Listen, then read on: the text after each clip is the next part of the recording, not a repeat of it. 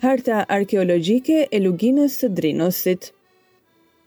Libri Liria, një produksion i podcast.com.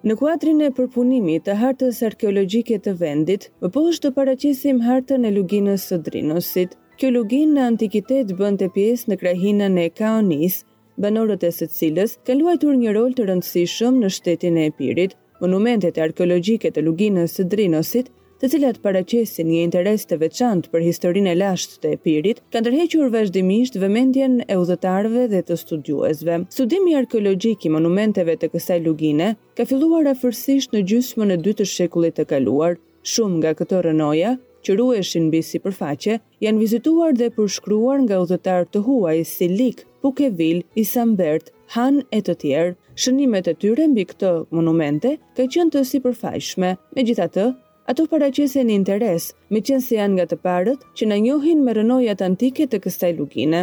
Në gjysmën e parë të këtij shekulli, një pjesë e këtyre monumenteve janë vizituar nga Ugolini dhe Hamond. Shënimet e tyre në krahasim me të parët janë më të plota. Përveç kësaj, Hamondi këto vitet e fundit ka bërë një varg studimesh mbi tumat e Dropullit si dhe mbi qendrat më të rëndësishme arkeologjike të Epirit. Gërmimet e para arkeologjike në luginën e Drinosit u bënë në prag të Luftës së Parë Botërore nga arkeologu Evangjelidhu, në Kalanë e Jermës, e identifikuar tashmë si Antigonea e Lashtë. Mbas çlirimit të vendit, Duke parë rëndësinë e madhe që paraqitnin monumentet arkeologjike të kësaj lugine, kërkimet dhe gërmimet arkeologjike nga viti në vit kanë ardhur duke u zgjeruar dhe kanë pasuruar njohuritë tona me të dhëna të reja për historinë e lashtë të Epirit. Kështu, një vlerë të mirë shkencore kanë patur zbulimet arkeologjike të bëra në tumat e Dropullit të Sipërm nga Prendi dhe në tumën e Çepunit të Kardhiqit nga Budina. Me shumë interes janë edhe gërmimet e ndërmarra në qytetin e lashtë të Antigonesë nga Budina, të cilat kanë dhënë një material të pasur mbi sistemin urbanistik të qyteteve ilire. Me vlerë shkencore janë edhe shënimet e Islamit, Cekës, Anamalit mbi ekspeditat informative të kryera në Luginën e Drinosit. Në këtë punim janë mbledhur të gjitha monumentet dhe gjetjet e ndryshme arkeologjike që janë përfituar deri më sot nga gërmimet arkeologjike, ekspeditat informative dhe zbulimet e rastit. Monumentet e botuara janë dhënë me një përshkrim të shkurtër të shoqëruar me bibliografinë përkatëse. Ato të pabotuara jemi munduar t'i paraqesim me një përshkrim sa më të plotë që ka qenë e mundshëm. Punimi shoqërohet me skica, rilevime dhe fotografi dhe në fund është vendosur një hartë përmbledhëse e monumenteve të zonës. Lugina e Drinosit. Lugina e Drinosit shtrihet në anën perëndimore të vargut të Lunxhërisë e Buretos me një lartësi dyqind e shtatëdhjetë deri në dyqind metra. Ajo ka një gjatësi prej dyzet e dy kilometrash prej fshatit Kakavi deri në Hundkuq dhe një gjerësi deri në shtatë kilometra. Vetëm në veri të Hundkuqit e deri afër Tepelenës, ajo ngushtohet në formën e një gryke. Në të dyja krahët e luginës, Ngrihet madhështore dhe perëndimi i malit të gjerë, krejt i thatë, kurse në lindje, vargu i Lunxhërisë e i Buretos.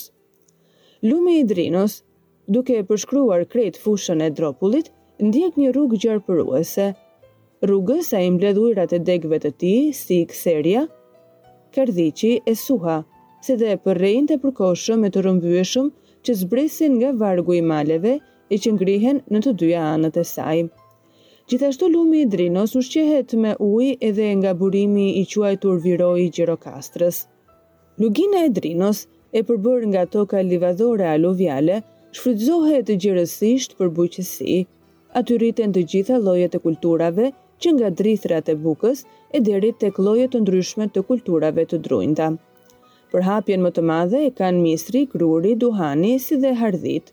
Në kullotat e shumta të maleve përreth kullosin tufa të mëdha në bagëti. Kjo luginë ka një klimë kontinentale me verë shumë të nxehtë, kurse në dimër, reshjet janë shumë të dendura.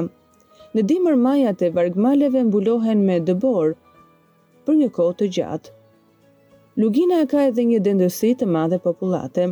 Banimet e sotme janë vendosur në faqen e maleve, ku janë burimet dhe nuk ka rrezik përmbytje nga ana e Drinos, i cili ka vërshuar kohë më kohë. Të gjitha këto kushte të favorshme natyrore kanë tërhequr prej kohësh vëmendjen e njeriut. Gjurmët e vendbanimeve të hershme të tumave dhe varreve të periudhave të ndryshme historike që po rreshtojmë më poshtë janë dëshmia më e mirë e kësaj. Fshati Sotirë, rrethi i Gjirokastrës. Sipas Hamondit, në sheshin e fshatit është gjetur një kolonë e ngulur në tokë një pikë njëzet metra e lartë dhe një mbishkrim.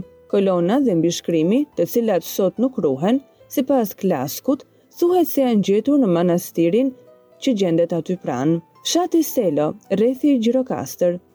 Në perëndim të fshatit Selo, në kodrën e quajtur Kastro, ngrihet kalaja e Selos. Kodra e cila mbizotëron një luginë të vogël që ndodhet para saj, formohet nga dy maja, Qirallaqa dhe Kastro. Qirallaqa është maja më e lartë e krejt kodrës, kurse Kastro ndodhet poshtë saj me një majë pak më të butë se e para. Nga juglindja dhe lindja, ajo është shumë e thepisur, ndërsa nga ana veriore, ajo formohet nga dy tarraca natyrale. Nga lindja rrëzë kodrës kalon përroi i Selos së Sipërme, nga juglindja, përroi i thellë i Klisharit, ndërsa nga perëndimi ngrihen madhështorë malet e larta të Arendës dhe Aniloklimatia, që e ndajnë atë zonë nga pellgu i Theologos. Përmes luginës së thellë e të ngushtë që ndodhet ndërmjet dy maleve, mund të zbresësh me lehtësi në fushën e vogël të Theologos. Gjurmë muresh dhe fragmente qeramike janë konstatuar vetëm në sipërfaqen e Kastros, ndërsa në majën tjetër, Qirallaqa, nuk ka asnjë gjurmë banimi, meqenëse ajo është shumë shkëmbore. Në majën e Kastros, fortifikimet më të shumta ndeshen në shpatin verior dhe veriperëndimor të kodrës.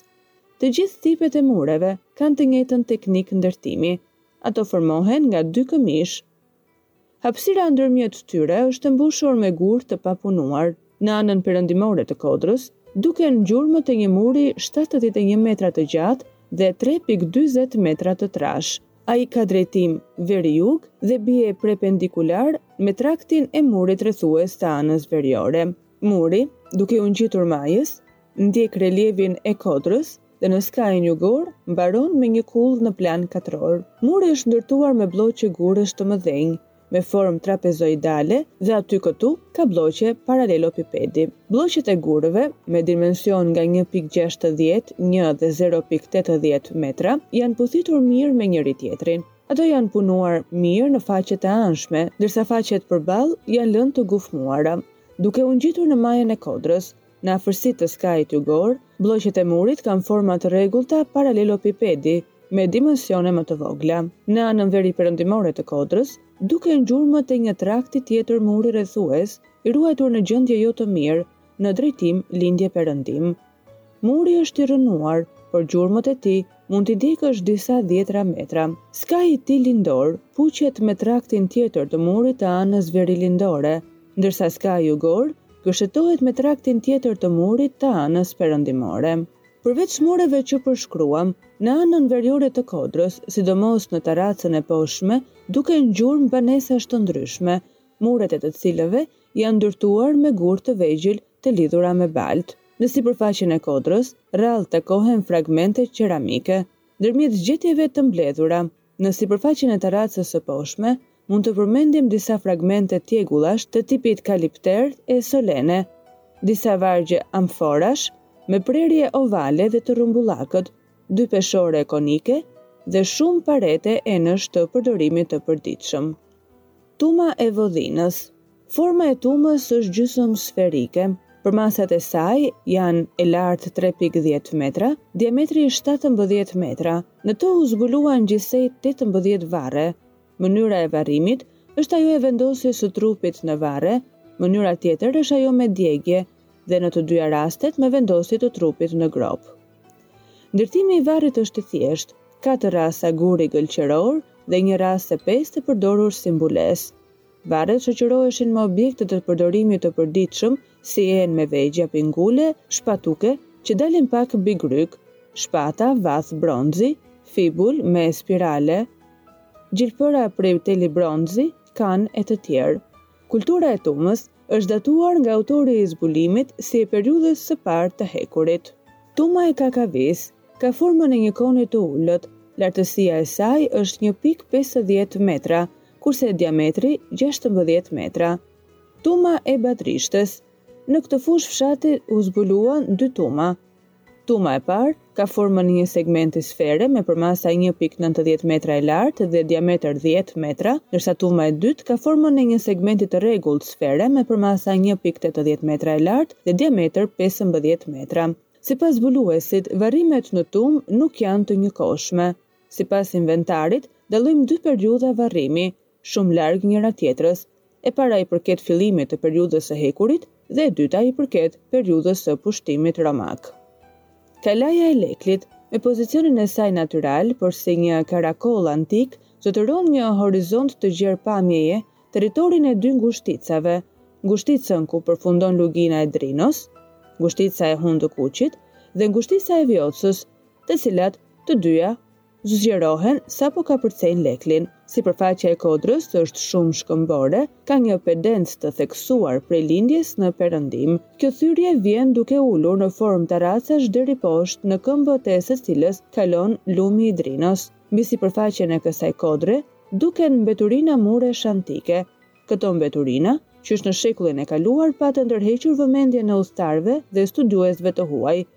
Disa shënime të shkurtra na kanë dhënë Liku, Pukev dhe Isambert. Më vonë është vizituar nga Hamond, i cili ka bërë edhe një datim të sistemit të fortifikimit të qytetit në veprën e tij mbi Epirin. Disa shënime të shkurtra kemi edhe nga Ugolini. Pas çlirimit është vizituar me qëllim studimi nga Ceka, Anamali, Islami, të cilët kanë përshkruar sistemin e fortifikimit. Në vitin një mijë e nëntëqind e gjashtëdhjetë e tre, në kuadër të hartës arkeologjike, u vizitua nga autori i këtij punimi, njëkohësisht u bë dhe rivelimi topografik i kalasë.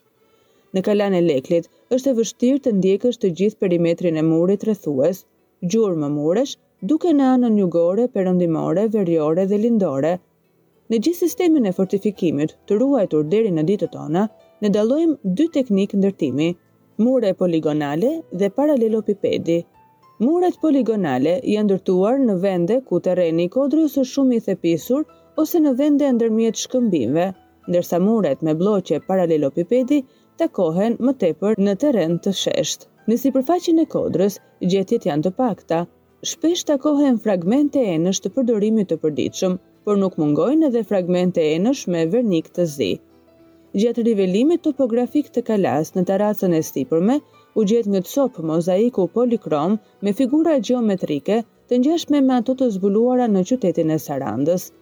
Në veprën e tij, Isambert bën fjalë edhe për disa varre antike që ai i ka parë në vendin e quajtur Nerinon dhe për gjetjen e disa monedhave të periudhës bizantine dhe veneciane, gjë që tregon për vazhdimësinë e këtij qyteti edhe në këto periudha. Në Kodrën e Jermës, që ndodhet në jugperëndim të fshatit Saraqinisht, rreth pesë kilometra larg dhe përballë qytetit të Gjirokastrës, ndodhen rrënojat e qytetit të Antigonesë, në këtë qytet të rëndësishëm të Luginës së Drinos, në vitet një mijë e nëntëqind e gjashtëdhjetë e gjashtë, një mijë e nëntëqind e shtatëdhjetë, u ndërmorën gërmime sistematike. Si rezultat i këtyre gërmimeve, u zbuluan pjesërisht dy blloqe shtëpiash në pjesë të ndryshme të qytetit, një material i pasur arkeologjik, si dhe u identifikuan rrënojat e saj me qytetin e lashtë të Antigonesë. Njëkohësisht u gjurmua dhe sistemi i tij fortifikues. Nga gërmimet rezultoi se qyteti është themeluar në shekullin e tretë para erës sonë, i cili u rrënua përfundimisht në vitin njëqind e gjashtëdhjetë e nëntë para erës sonë nga konsulli romak Emil Pali. Të gjitha këto gjetje autori i këtij artikulli i ka dhënë në një përmbledhje mbi Antigonenë. Gërmimet e vitit një mijë e nëntëqind e shtatëdhjetë e tre, të ndërmara në kodrën e Shën Mëhillit, treguan për një vazhdimësi jete dhe mbas pushtimit romak. Mbi kodrën që mban emrin Paleokastër, ngrihet madhështor Kalaja e Labovës së Kryqit. Ajo është e vendosur në një vend strategjik në të hyrë të grykës së Selskës. Në veri kodrën e kalasë e ndan fshati Përroi, Gudibin, i cili kalon në këmbët dhe që vazhdon edhe në anën lindore. Nga jugu kalon përroi tjetër, Govadan, dhe nga perëndimi, përroi Kuqinon. Në vendin e quajtur Konti, në Peshkopinë e Poshtme, gjatë hapjes së një grope gëlqereje, fshatarët ndeshën në disa objekte arkeologjike. Pas sinjalizimit, në maj të vitit një mijë e nëntëqind e shtatëdhjetë e katër, shkuan në vend për të parë objektet që ishin gjetur. Në një gropë ishin hedhur grumbull tri arkëza varri, nga të cilat dy ishin dëmtuar, ndërsa njëra qe ruajtur e plotë. Dy arkëzat kanë formën e një paralelopipedi dhe tjetra formën cilindrike. Të tria arkat e varrit rezultuan bosh.